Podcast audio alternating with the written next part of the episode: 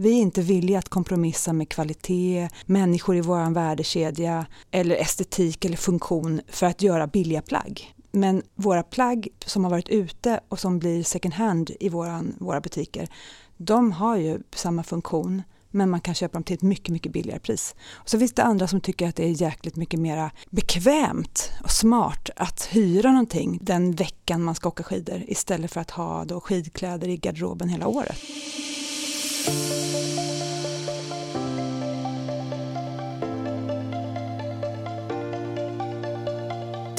Hej och välkomna till Detaljhandelspodden. Jag heter Jonas Arnberg. Magnus är inte med idag heller, men jag har istället hjälp av fantastiska Eva Karlsson, VD och entreprenören bakom Houdini Sportswear.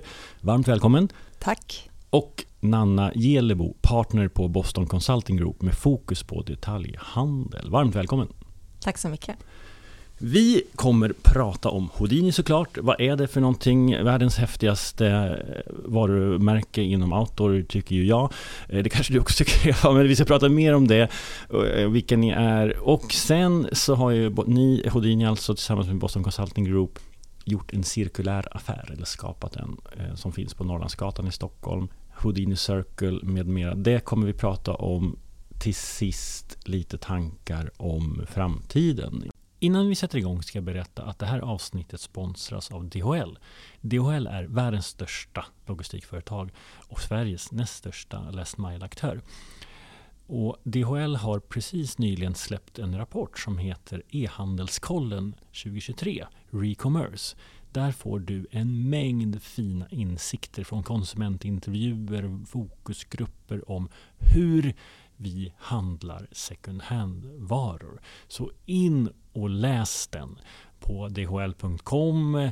Enklast är nästan att googla efter e-handelskollen 2023 så hittar ni eh, rapporten Recommerce. Så att eh, in och läs och tack DHL att ni är med Detaljhandelspodden. Nu sätter vi igång dagens avsnitt. Börjad med eh, Houdini. Vad, vad är det? Du är entreprenören bakom och VD. Vad är det för varumärke?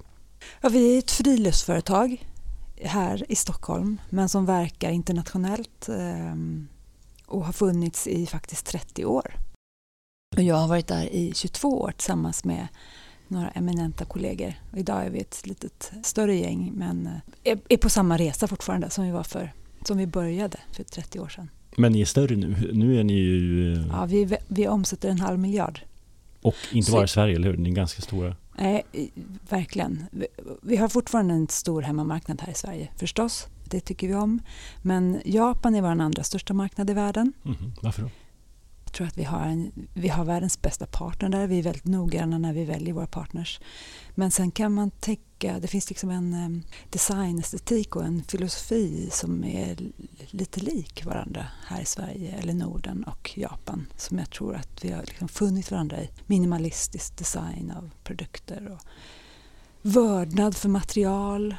Allting ska inte gå lika fort utan relationer är viktiga. Det finns mycket spännande i den japanska kulturen som jag tycker också att det, det finns åtminstone i ursprunget i den svenska.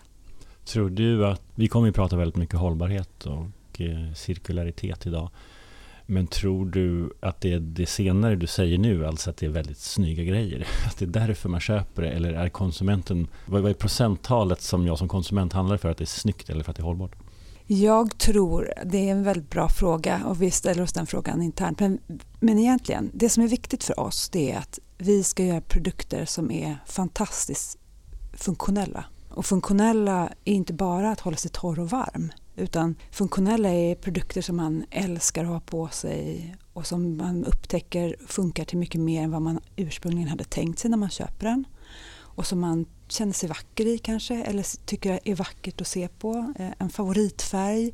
Men att det är produkter som man kan lita på funktionsmässigt som också är estetiskt tilltalande och som håller över tid. Som man inte då bara blir kär i när man ska köpa dem utan som man fortsätter att vara kär i. Så man vill ta hand om dem och reparera dem och sådär. Om man tittar på kund så tycker jag att det är viktigt att om man tänker på hållbarhetsresan så skulle det ju vara olyckligt om vi gjorde produkter som bara tilltalade de som vill vara hållbara.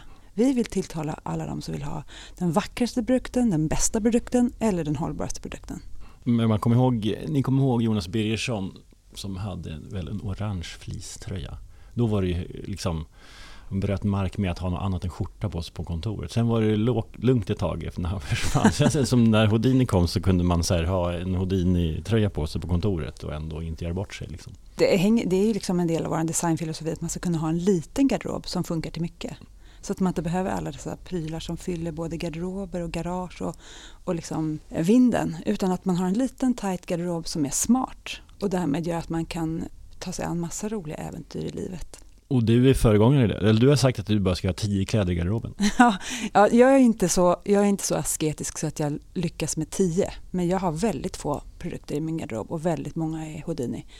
Och det spelar ingen roll om jag är på New York Climate Week eller om jag är på en gala som jag ibland hamnar på eller om jag är ute i naturen. Då, då finns det några få. Liksom. Det är inte bara Houdini men det är en jättefin kombination men en väldigt liten garderob totalt. Får jag bara ja. tillbaka till det här med vart vi finns? För jag tänker att det är ganska viktigt när man när man hör om ett hållbart företag så kanske det låter som att man är idealister. Men, men vi, Japan är som sagt vår näst största marknad. USA har seglat upp och blivit vår andra största e-handelsmarknad. Jättekul. Vi har fortfarande en stor tillväxt att göra där förstås. Men eh, det, det gick fort att komma dit. Tyskland växer väldigt, väldigt snabbt. Sen så har vi faktiskt Kina som växer allra snabbast av marknaderna. Men, men vi finns på ett tjugotal drygt marknader totalt.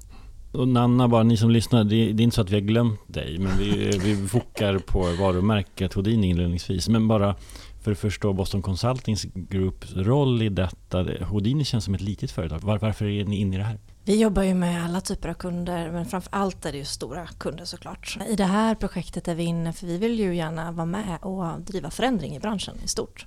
Och tyckte att Houdini var ett väldigt inspirerande företag som vågade satsa och här särskilt spännande tycker jag är att man stänger en butik som var up and running med försäljning för att göra om den och hitta nya vägar framåt.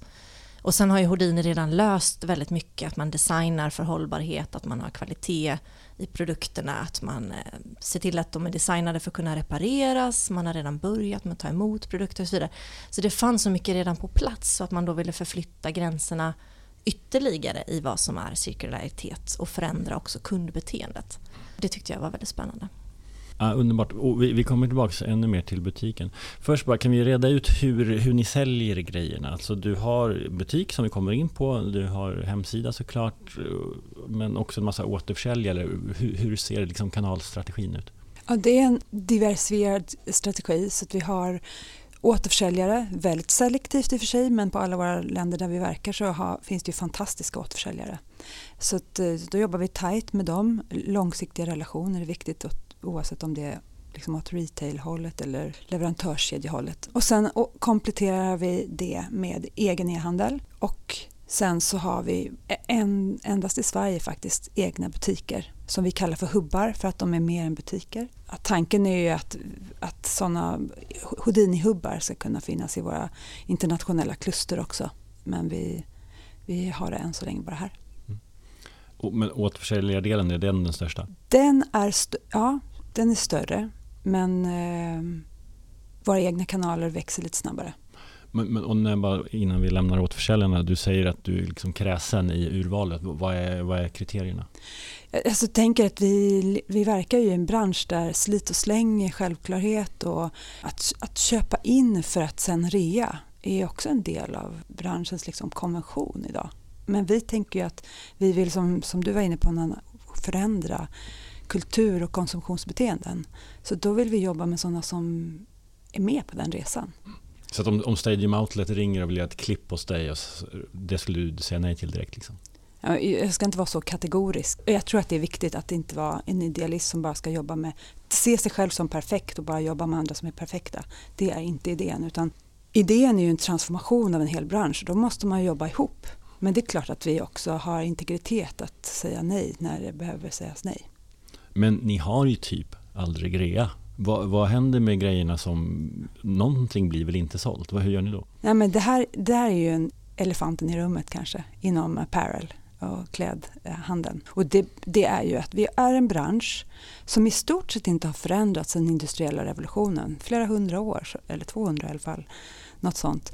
där vi har jobbat precis på samma sätt. Där allting produceras på spekulation. Och det är därför det finns enorma berg av kläder som blir osålda och sen enorma berg av kläder som har då slängts och hamnar på ställen där de absolut inte kan återvinnas. Men tillbaks till liksom det här med att då inte rea. Vi, verkar, vi är otroligt försiktiga med hur vi producerar. Säkerställer att vi producerar i, i, i linje med efterfrågan. Men det, det, är inte så att vi producerar on demand, så vi är inte perfekta. Men vi är på väg åt det hållet. Vi, vi, testar en del on demand, precis som att vi utforskar cirkulära affärsmodeller. Och sen så är vi väldigt försiktiga med det. Sen när vi designar produkter så designar vi stilar som både själva modellen som sådan och färgerna är sånt som kommer tillbaks och kunder vill att det ska komma tillbaks. Och det är en stor del av vår kollektion och därmed så behöver vi inte en resa alls. Hade vi gjort trendplagg som, som liksom var i trend under en period för att sälja mycket och sen så liksom var de ute efter ett tag, då hade vi haft ett mycket större problem med, med reor. Att, eller tvingas rea mycket mer. Ja, nej, men jag tror att jag har haft en svart Houdini, eh, power Houdini med luva på mm. i, i, i 20 år. Ja, vad kul att höra. Ja, men det är otroligt. Det är jättemånga som säger det. Det hänger ihop hur man designar en produkt. Alltså design är ett sånt otroligt kraftfullt verktyg. Om man väljer rätt material och har rätt, rätt tidsaxel för att kunna utveckla den bästa, bästa produkten och inte sluta förrän man är klar med det. Då har man en produkt som man har investerat i i designfas men som sen kan eh, leva i många, många år. Powerhood är ett jättebra exempel på det. Får får fråga eh, hur du ser på din målgrupp för att bara som ett exempel. Jag, ja, som du hörde så går jag omkring med ganska mycket Houdini-kläder hemma och så frågar jag mina barn vad de, nu ska jag träffa Houdini för jag var lite stolt för det och eh, eh, vad tycker ni om varumärket? Och då sa de samma sak som jag hade sagt om någon hade frågat mig för 30 år sedan den här frågan. Så här, Jonas, vad tycker du om fjällräven? Då hade jag sagt så här, Usch, det är mina, mina föräldrar som går runt så i skogen och grillar korv liksom. Och det är ganska ja, smuppigt varumärke. Liksom. Sa dina barn det? Ja, nu blir jag ledsen. Ja, men jag, men är, jag tror att du ska se det som det en, en kritik till check. deras far och inte det, men jag bara undrar, är, finns det, är ni tyngre bland de äldre? Eller lyckas ni förnya er också? Mm. Eller lyckas ni fånga de unga också? Också bra fråga. Jag, jag tänker att jag känner igen mig i min egen familj. Men det kanske inte är så konstigt att jag har barn som tycker att Houdini är liksom lite, de gillar det när vi är ute men eh, det är klart att mamma, mammas jobb är inte det coolaste. Men hur som helst, vi ser att vi har en ganska så...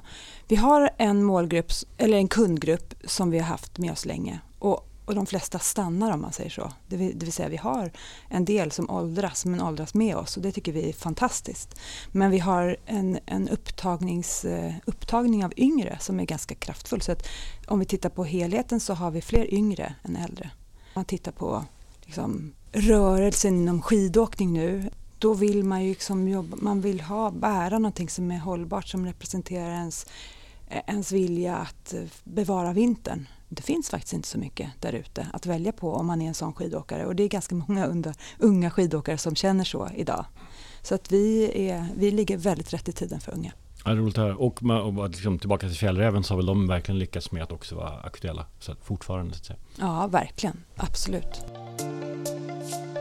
Låt oss gå in på den cirkulära affären som ni har, bland annat på Norrlandsgatan i Stockholm och som ju BCG inte minst är sugna på att få ut fler av, inte bara för kläder inbillar jag mig. Men, men vi börjar i ditt perspektiv Eva, ni har sålt begagnat länge, ni har testat uthyrning tidigare och nu har ni liksom allting under Houdini Circle. Mm. Vad är det för något? Houdini Circle är, vi har lärt oss under mer än tio år. Vi har hyrt ut i tio år, vi har som du sa haft eh, second hand i tio år drygt. Vi har alltid reparerat plagg. Och sen så gjorde vi ett test, ett, ehm, ett, ja, det var faktiskt ett forskningsprojekt och ett test för oss med prenumeration. Och det vi har lärt oss är att det finns inte en cirkulär affärsmodell som liksom löser allting. Och det är inte givet att det blir hållbart för att det kan lablas som cirkulärt. Det som är mest hållbart det är också det som är mest relevant för kund, nämligen att kunden kan hitta den affärsmodellen för just det här plagget och just det där plagget som passar för den personens liv. Och det är det vi erbjuder i Houdini Circle. Tillbaka till det här med unga som, som gillar Houdini. Det finns ju dels det här behovet från vår sida att tillgängliggöra plagg till ett lägre pris. Vi är inte villiga att kompromissa med kvalitet, människor i vår värdekedja eller estetik eller funktion för att göra billiga plagg. Men våra plagg som har varit ute och som blir second hand i våran, våra butiker, de har ju samma funktion men man kan köpa dem till ett mycket, mycket billigare pris. Och så finns det andra som tycker att det är jäkligt mycket mera bekvämt och smart att hyra någonting den, den veckan man ska åka skidor istället för att ha då skidkläder i garderoben hela året. Och så finns det då en, en, man kan mixa som individ så kanske man har någonting som man prenumererar på eller en liten garderob som man vill byta en gång per säsong som man prenumererar på och sen så har man några grejer som man äger som man använder typ varje dag som din svarta hoodie och sen kanske det är någonting man hyr för att man ska ut på ett specifikt äventyr en vecka. Det här med att unga då köper begagnat som då är billigare. Kan man se begagnat som en instegsaffär på något sätt till varumärket? Ja, vi bestämde oss i styrelsen för många år sedan att det, var vårt, det behöver bli vårt entry level. Eller hela den cirkulära alternativa sättet att, att accessa plagg måste bli den. För vi ser ju hur begagnat växer så det knakar nu. Jaha. Och det inbillar, en hypotes är ju att det är ju inte drivet av liksom hållbart utan av att det är lågkonjunktur. Och det, spelar ju, det, det, är klart att det kan vara en kombination också mm. men, men en grej är ju att det är billigare helt enkelt. Ja absolut och det tycker jag det är helt rimligt och smart. Sen tänk, vi såg ju den tillväxten redan innan. Mm. Så det är inte bara det. Det finns vi, många i Greta-generationen, de vill ju köpa begagnat för att de vet att impacten på planeten är mycket lägre då. Och det är ett coolt sätt att skapa en, en egen stil som inte är liksom dikterad av stora fashion brands eller ja, ni vet. Ja, men det, det unika, är... det köper jag. Men det, det, finns ju många av dem som också handlar på Shein eller Temu och sådär. Ja, absolut. Din konsument som både handlar av dig och Shein, hur går det till? Ja, det kan man fråga sig. Nej, men jag tror att det är väl en del av vårt eh, ansvar att, att utbilda, informera också. Och, och jag tycker att det är inte kunden som ska behöva ta ansvar för att, att liksom läsa in sig på varenda produktgrupp de behöver i sitt liv. Alltså, ska man behöva lära sig allt om bilar, allt om mat, allt om kläder för att kunna liksom leva ett rimligt liv? Nej, det är, det är företagens ansvar att leverera hållbara alternativ eller hållbara produkter, punkt slut. Jag tycker inte det ska vara alternativ, man ska fasa ut det som inte är hållbart. Och då finns det massa bolag där ute som givetvis inte gör det än. Shein är ett lysande exempel på det. De har en del saker som är sjukt smarta som vi kan lära oss av. Nämligen att man kan producera snabbare och då inte bygga de här bergen av, av eh, produkter som blir, visar sig vara fel av någon anledning. Men eh, i det stora hela så är de en extremt ohållbar aktör. Mm. Och det finns inte plats för ohållbara aktörer. Och då är den cirkulära affären ett bra alternativ om man vill vara, ha mer lågpris eller eh, göra det mer tillgängligt för många, tänker jag. Ja, absolut. Och den typen av Shein och Temu inbillar jag mig kommer att lagstiftas bort av allt möjligt från kemikaliedirektiv till CE-märkning, allt möjligt sånt. Men också av liksom den ganska nya lagstiftningen kring produkters livslängd och sådär. Ja, det är jättespännande. Det krävs ganska mycket mod tänker jag för det som, som händer i EU nu bland politiker. Man ser ju att det finns en brist på mod på politiker i stort. Och jag förstår det, för det, det, politiska systemet är designat för att man ska bli bortröstad så fort man gör någonting som är kanske rätt på lite längre sikt men extremt eh, lätt att skjuta ner för en som är populist. Så, så är det ju idag. Men jättespännande det här med vad som händer i EU. Och, och om man tittar i ett vidare perspektiv så tycker jag att det är spännande med liksom system eller så paradigmskiftet som en lagstiftning kan leda till. För att om man tvingas ansvara för produkten på ett annat sätt då kommer man vilja som företag designa för cirkularitet. Det finns ingen anledning egentligen alls att skapa produkter som sen blir avfall. Det är mycket smartare att se till att det kan bli en resurs igen och igen. Men om man är lat då och inte tycker att det verkar intressant här och nu så kan en lagstiftare hjälpa till att få igång den transformationen som sen visar sig vara jäkligt smart för varje företag och för världen i stort. Vi hade BLK i podden i förra veckan och då menade ju Sebastian, ja, Sebastian Rudestam där att eh, det är just den här typen av leasing och hyrmodeller som är intressanta ur ett cirkulärt perspektiv för att när då är det ju uthyraren som äger plagget och har incitamentet att hålla det i liv så länge som möjligt. Vilket då skulle vara en grund för att tänka långsiktigt om kvalitet och så. Mm. Som ett äkta producentansvar. Ja, precis. Men Anna, ni, ni, ser ni på ECG inbillar har en hel hög av jurister som förstår sig på den nya lagstiftningen. Är det, liksom, även om jag är Dollarstore behöver jag bli inspirerad av Houdini för att ha en eh, Dollar Dollarstore Circle för att ens få fortsätta sälja produkterna? Generellt tror jag att alla bolag behöver titta på vad är det vi kan göra mer hållbart och hjälpa till att driva omställningen totalt sett. Och det vi brukar göra där är ju att rekommendera bolag att titta på vad är alternativkostnaden? Om vi ser framåt för vårt bolag och funderar på vad, är det som, vad kommer det kosta oss givet de lagförslag som kommer och givet koldioxidskatter och så vad kommer det kosta oss att agera och vad kommer det kosta oss att inte agera? Och oftast ser man då att eh, totalt sett så blir det mycket billigare att faktiskt agera nu. Helst igår då såklart. Mm. Och lyckas man förankra det och få tydlighet för det i en organisation. För nu är Houdini ett förhållandevis ändå litet bolag, snabbfotat, där man har hållbarhet som ett ledord och en grundvärdering i hela bolaget.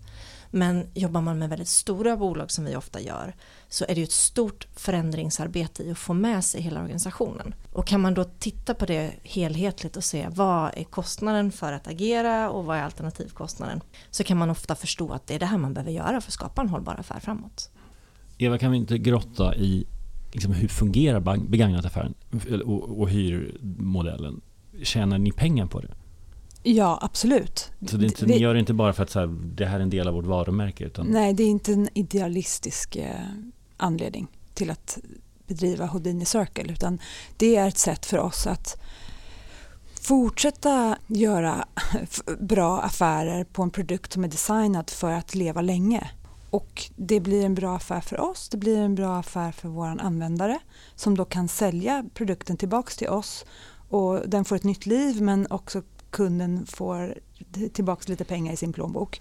Så det, det är liksom en win-win för oss och våra kunder men det är också en vinst för planeten. Mm. Så det, det är en otroligt fin affär på så vis. Men, och det är, begang, det är liksom second hand-försäljningen så. Jag går in med mitt plagg, lämnar in det, får en peng för det. Får jag cash eller får jag liksom credit för att köpa nya Houdini-produkter? Det kan du välja. Men och eh, hyraffären då? Mm. Jag hyr en skidjacka i en vecka och lämnar tillbaka den till dig. Mm. Vad har den för skick då? Måste du liksom göra något med den innan du kan hyra ut den igen? Absolut, det är ju en, det är en hanteringskostnad för oss för vi tvättar ju och återimpregnerar och ser till att plagget är i hundraprocentigt skick innan vi hyr ut igen. Men eh, det har vi ju räknat med tillsammans med, med er på mm. BCG har vi ju räknat på hela den hanteringskostnaden som, en, som givetvis blir en add-on. Så det är en annorlunda affär. Men jag tänker en sak som är viktig att ha med sig eh, om man lyssnar och funderar på om det här är någonting för oss. Det som är en vinning dag ett, från dag ett, det är att man går från en transaktionell modell det vill säga, här, du och jag, företag, kund, vi har ingenting med varandra att göra. Och var, varsågod, här är din produkt och här får jag mina pengar. Goodbye. Otroligt osmart sätt att jobb, göra affärer när man kan bygga relation över tid. Och det gör man från dag ett när man jobbar så här. Nämligen, man gör en transaktion men det är bara början på en resa tillsammans där vi kan hjälpa till med reparationer, uppgradering av ett plagg om det behöver återimpregneras. Vi kan hjälpa kunden med att sälja som sagt eller vi kan hjälpa kunden att hitta någonting second hand. Framåt så ser vi att vi kommer kunna hjälpa kunden att hyra ut peer-to-peer eller sälja second hand via någon annan där Houdini och kunden kan få kickback på ett automatiserat sätt. Så det finns så otroligt mycket spännande grejer i kan, det här framåt. Kan ni till med ha en högre lönsamhet på det här? Alltså, hur, hur, många gånger behöver du hyra ut en skaljacka tills det, du liksom, den affärsmodellen är bättre än att bara sälja den? Ja, det, det, har vi ju räknat på. Ja. Vi måste lära oss mer för att kunna säga det rakt upp och ner. Men från uthyrningen som vi har gjort uh, under tio år så kan vi se att det, det går alldeles utmärkt att ha hyra som en del av sin, sin affär utan att förlora. Mm. Men det är inte så att vi tjänar mer, men vi kan absolut jobba, inkludera det i vår affär och bibehålla lönsamhet. Och något som jag tycker är spännande där, vi har ju pratat mycket historiskt inom detaljhandeln om omnikanalitet. Att man, har, man tittar på sin fysiska butik och så tittar man på e-handel och sen samverkar de här två tillsammans. Och alla börjar nu landa i att man måste titta på det helhetligt. Vi tänker ju att det är lite samma sak med begagnat eller rental och nytt. Att de samverkar ju också. Att är det någonting av hygienskäl som du inte vill hyra eller köpa begagnat, då vill du kanske köpa det nytt. Vissa saker vill köpa begagnat, andra vill hyra och så vidare. Och då får man ju titta på den affären totalt sett. Och där ser vi att butiken går väldigt bra jämfört också med hur den var innan när den bara var eh, ingångstransaktioner så att säga. Så att det tror jag är viktigt att ha med sig när man simulerar den här typen av affärer, att man tänker på hela affären. Vad, vad är liksom förlängningen? Är det som ett Netflix-abonnemang så att jag betalar en månadskostnad så kan jag bara gå in i din butik och byta grejer hela tiden? Men det kanske inte är det man vill, för vissa saker som sagt vill man kanske inte hyra eller prenumerera på. Vissa saker vill du köpa nya. Så att det är, jag tror det är det som är så spännande med den här, att det finns allting under samma tak. Ja. Men det, jag tror att vi kommer gå mot en, eh, mot en eh, kultur där man kanske börjar med att prenumerera. Så har man de här, vi har en prenumeration nu, man kan hyra eller prenumerera på tre plagg under ett, till exempel tre plagg i ett kvartal. Antingen med, utan byten och så byter man när det liksom är näst, dags för nästa säsong, typ höst först och sen byter jag till vinter. Eller så tar man ett dyrare abonnemang där man kan byta hur ofta man vill. Och det har vi testat i forskningssammanhang under ett år tidigare. Och då, det, lärdomen av det är att det är jättepraktiskt för en del att hyra eller prenumerera men det är en del av de plaggen som man upptäcker sen att det här är mycket smartare att jag mm. äger för att jag använder den varje dag. Och, det är bra för då kan man testa istället för att råka köpa fel. Samma sak med hyra, man kan testa ett skalplagg innan man bestämmer sig för att investera i det. Om man nu är en sån som åker skidor väldigt mycket. Hörrni, vi, hade ju, vi pratade innan om Sara Rosengren som mm. gästade Detaljhandelspodden för ja, någon månad sedan. Och då frågade jag när, varför det är en självklarhet att hyra skidor till exempel är ju jätterimligt. Ja. Men inte alls lika rimligt att hyra skaljacka. Och hennes enkla svar var jo men det har du på dig och vi är inte där än. Men, men märker ni någon form av beteendeförändring att det blir mer och mer liksom acceptabelt att eh, hyra kläder? Ja, den typen av kläder finns det ingen, ingen eh, liksom, emotionell begränsning i. Jag tror att det är accessibility och att convenience mm. saknas än så länge. Och det är det vi jobbar med tillsammans nu för att se hur kan vi göra det på ett bra sätt här lokalt i Stockholm. Hur kan vi göra det på ett smart sätt för folk som ska resa eller om man åker till en destinations eh, ort som Åre. Det tror jag är den stora begränsningen. Jag brukar höra eh, från sådana som har jobbat med cirkularitet länge eh, som jag att ja men vadå, man bor ju på hotell och där sover man ju lakan och de, det är inte direkt att de är nya. Det är väldigt bra exempel. Så att man, man är egentligen, det, det, handlar om att göra det på ett bra sätt. Man ska inte känna som man kommer in i en, i en second hand butik där det luktar lite konstigt utan det är något helt annat som man kan leverera i upplevelseväg om man gör det på vårt sätt. Märker ni någon skillnad mellan män och kvinnor? Min, min fördom är ju att kvinnor är bättre. kvinnor är bättre? Ja, alltså på, att, ja, på väldigt många Ja, men också när Nej, det kommer ja. till alltså, den här typen av att hyra. Vi är ju ett sportföretag nu så jag kanske kan... För jag måste jag tror att vi har fler nyfikna killar, män och herrar som är nyfikna på kanske nya liksom, teknologiska landvinningar inom ja, material och sådär. Eh, kanske också affärsmodeller. Nej, men vi har, en, vi har en perfekt mix av tjejer och killar och jobbar med båda lika gladeligen båda två. Det är viktigt att lära sig av alla. Det, här, det låter ju fantastiskt där. Vi kan inte, Nanna, det känns som BCG har ju räknat och vridit på det här. Alltså går det verkligen, finns det verkligen en affär i det här? Absolut, och det är det som är så spännande också med det här experimentet. Och det jag tror är viktigt att tänka på, utöver det vi pratade om, att nytt och begagnat samverkar, att man också ser på det Dels kan man se på det över ett år i en butik till exempel, men också sen kan man titta på vad är lönsamheten över tid. Eh, och det vi gjorde i det här fallet var att se på en specifik produkttyp till exempel. Mm. Hur mycket mer lönsamhet kan du få ut av en cirkulär affär om du kollar över fem år? Och då såg vi som ett exempel i simuleringen att vi kunde öka bruttovinsten mellan 10 och 30 procent.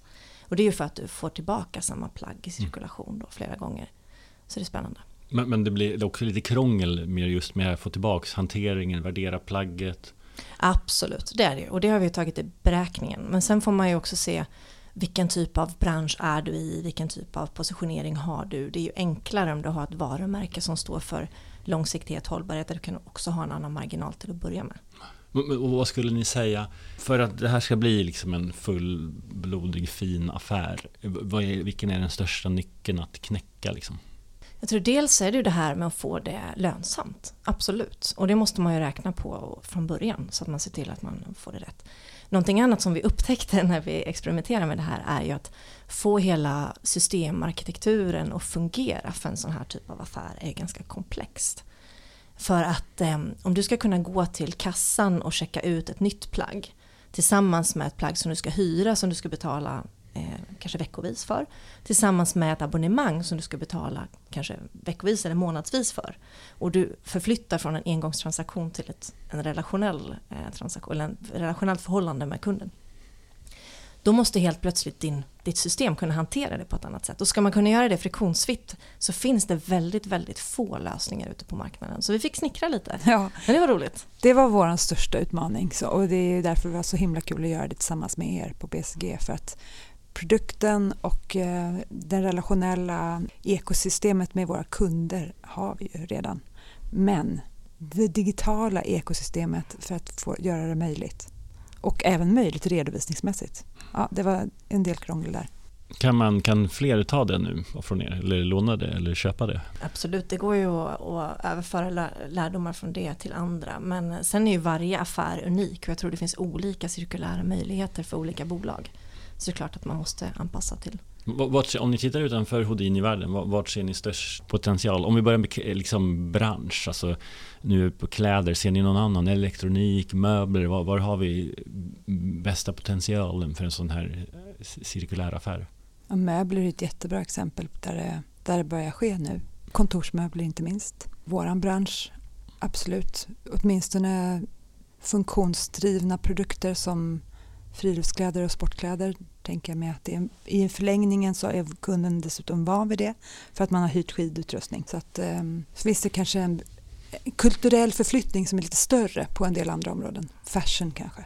Vi har ju tittat på hur marknaden för cirkularitet ser ut i stort och ser att i Norden ligger vi ganska långt efter Europa faktiskt, vilket förvånade oss lite. Att eh, vi har ungefär 6 cirkulära insatsvaror i Norden jämfört med kanske 12% i Europa. Så vi tror att man kan fördubbla den affären. Så det finns mycket möjligheter inom alla branscher. Men sen är det ju, för varje specifik bransch finns det ju olika material. Om man tittar på möbler till exempel, då kanske det är lättare att hitta en modell för madrasser jämfört med om man säger trä som behöver limmas igen. Då kan limmet ha en mycket stor miljöpåverkan. Men medan använder man annan typ av trä kanske det går. Så man får titta på produktkategori per produktkategori respektive bransch och jag tror det finns cirkulära möjligheter överallt.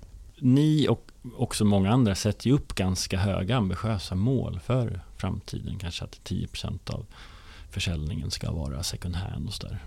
Vad tror ni? Om vi utgår från klädhandeln. Hur stor del av klädhandeln är cirkulär? Hjälp mig med definitionen av det om fem år.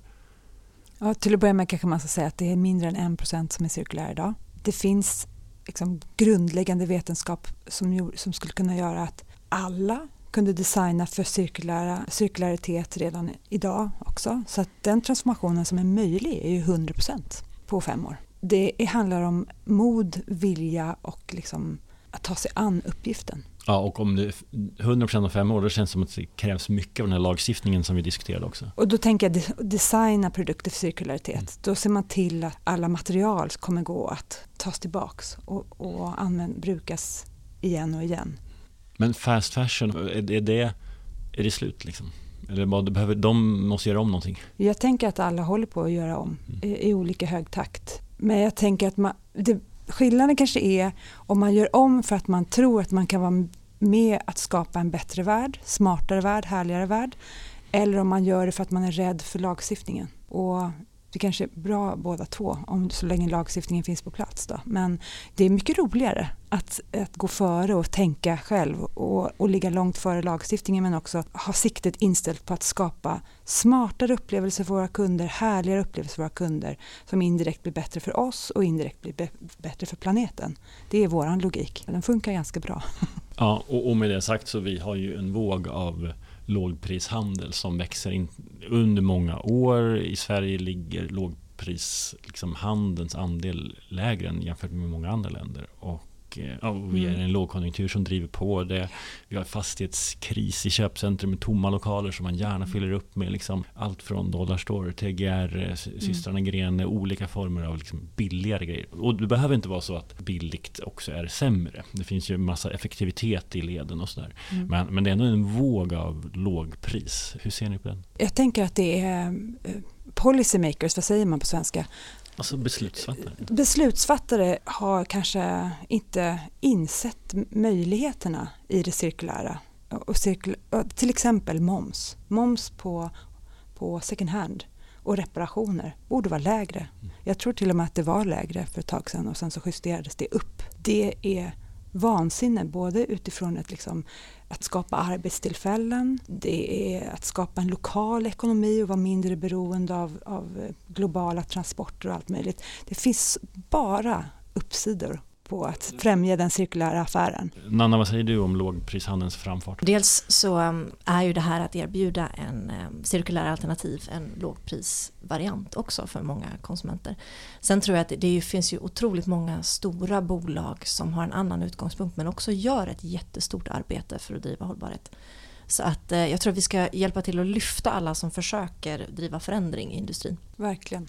Hörrni, vi närmar oss slutet. Ge oss nu och lyssnarna eh, några nycklar för framtiden. Det, som, som vi pratade om tidigare är det väldigt många som testar olika former av re-commerce-koncept. Från uthyrning till eh, second hand. Eh, vi ser inom B2B, B2C, C2C med alla plattformarna.